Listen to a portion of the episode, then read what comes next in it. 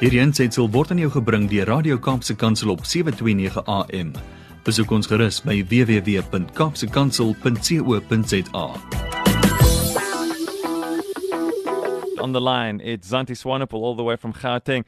Zanti, we don't need to say, you know, ask you twice how this kind of a thing excites you. We're asking for people to send their prayer requests, and all people are doing is saying we're praying, but God's on the move, and these are the testimonies.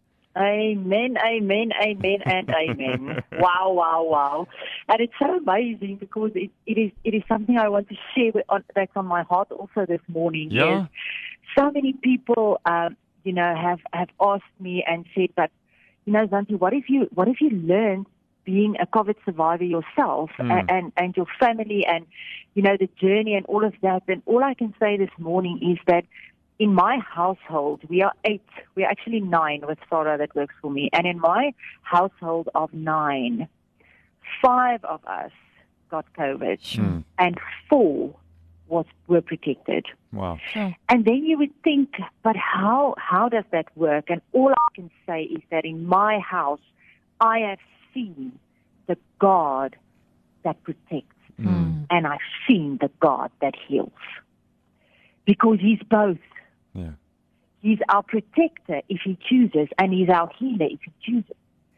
But if we trust him and we belong to him, then we can sit back and say, God, I'm an open canvas. I'm a white canvas. Mm. And, and write your story through me. And that's the courage and the die die, die rustigheid wat ek jou vanoggend wil gee is Ja. dat wat jy ook al deurgaan, wat jou storie ook al is, Here is met jou. En jy kan hom vertrou dat wat hy toelaat op jou pad Mm. vir sy glorie is. And that's why we see these testimonies. Mm. Because God chooses. En hy weet, hy beloof hy sal vir jou nooit meer gee as wat jy kan dra nie. Ja. En is dit nie 'n berusting nie? En die Here het geweet dat vyf van ons saam met hom dit sou kon dra. En vier het hy geweet met hy met hy met hy spaar en protect. But if we trust him, all of it is his choice. All of it is will. En al maak dit nie vandag vir jou sin nie, ek beloof vir jou, hindsight is always best sight. En volgende jare jare op as jy terugkyk, gaan jy sê ek verstaan hoekom dit gebeur het Ja. of ek verstaan hoekom dit nie gebeur het nie. Ek wil vanoggend met jou 'n storie deel wat my so bemoedig het. Ek het dit jare terug ook gedeel, maar die Here het dit net weer vir my kom bring en ag, weet jy, dit is net ons kan nie die Here vertrou is al wat ek sê. Ons kan net die Here vertrou vir ons lewens, maar baie van julle sal weet wie is Rafi Zacharias. Um en Mm. toe hy 25 jaar oud was. He was 25 years old and he was a student in Canada and he asked to go to Vietnam, to die Vietnam oorlog aan was, to minister. And he had a translator with him of 17 years old. Can you believe it? He was 25 and his translator was 17. And they worked with military chaplains and he was allowed to speak and served at camps and military bases all over Vietnam. And thousands and thousands came to know Christ. Isn't that amazing? But when he returned to the USA after the war, he had to bid Yen Pham, his translator, farewell. Mm. 17 years later, he was in Canada and his phone rang at 11 p.m. at night. Picked it up, and on the other side was a man saying, Brother Ravi. Hmm. He said, Yen, is that you? Yen said, Yes, but I cannot believe that you remember my voice. he said, Yen, you are the only one ever calling me Brother Ravi. Where are you, Yen? He asked. He said, In California, I'm doing my MBA. And Ravi asked him, How did you end up in California doing your MBA 17 years later? And Yen answered, After you left Vietnam, I was captured and arrested and accused of working for the CIA because my English was so good. I told them that I was only an interpreter for the Americans, but they didn't believe me and threw me in prison.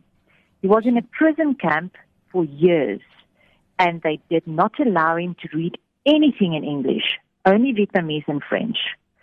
They pounded into my head every day for years that there was no God. Until one day I said, okay, I'm going then to live as if there is no God. He said that specific day they assigned me to clean the lavatories or the toilets. He said it was horrific. Hmm. He, he, he doesn't have words to explain what he had to do in those toilets. But that day, he found a piece of paper with something written in English in the dustbin. So he washed it and put it in his pocket.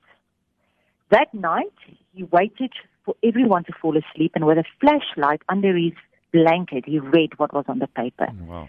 It was a Bible page, Romans 8, written on it, and he read, And we know that all things work together for him who loves God and is called according to his purpose. What shall separate us from the love of God? Life or death? And he said he started crying and crying and crying. He said, God, this morning I got up saying there is no God and I will never speak to you again. And now I'm holding in my hand a verse that I need more than anything else in my life. Mm. I got on my knees, he said, and begged God for forgiveness. The next morning, he went to the commanding officers and asked to clean the lavatories or toilets. I'm sure they couldn't believe that. Hmm. And every day, I picked up pages from the New Testament because the commander and chief found a Bible and he tore out pages every day and used it as toilet paper. Yen washed it and read it every night. It gave him strength and it was his daily devotionals. Can you imagine that? Wow. One day he got released with and him and 51 or 52 others planned to build a boat and escape to Thailand. They finally built the boat. And on that one day after the, the, the, the boat was finished, four huge and armed soldiers knocked on his door and said, Do you want to escape? I'm asking again, are you escaping? And he replied, No. They said, yelling again, Is that the truth? He said, Yes. They asked again, Are you going to escape? He said, No. They said, Is that the truth? He said, Yes. And they left. He said, But as he went back into his home, he slapped himself against the forehead and said, I did it again. He repented and begged God for forgiveness and said, God, please give me another chance. If you want me to tell these men the truth, please send them back before we leave and escape. Hours before they were to leave, the four guys were back, more armed and more dangerous. They said, Are you going to escape while pushing him onto the floor? He said, Yes, I am with 52 other people. You can kill me now.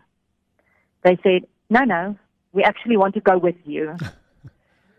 Four of these Viet Cong came with them on that boat, he said. We found ourselves in a huge storm at sea, and we had no way to survive the storm. He said we would have capsized and died that day. But these four men were such skilled mariners and skippers that they brought us safely to Thailand. I became a refugee, and today I'm doing my MBA in California. His advice, or what he told Ravi's family when, when he invited him over to Canada for dinner, is he took Ravi's children in the lounge and he sat them down and he said, Let me tell you something. You always think you are going to manage it your own way, but it never works. The most important thing in your life is to find that intimacy with God, and He will guide you. He will hold you and take you through safely on your journey as you walk hand in hand with Him.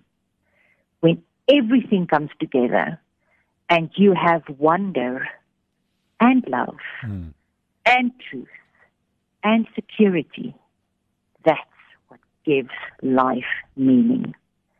And you can only find that in God because He's the only one that's big enough.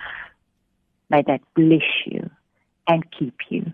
And may God's face shine upon your life to know that He's in control.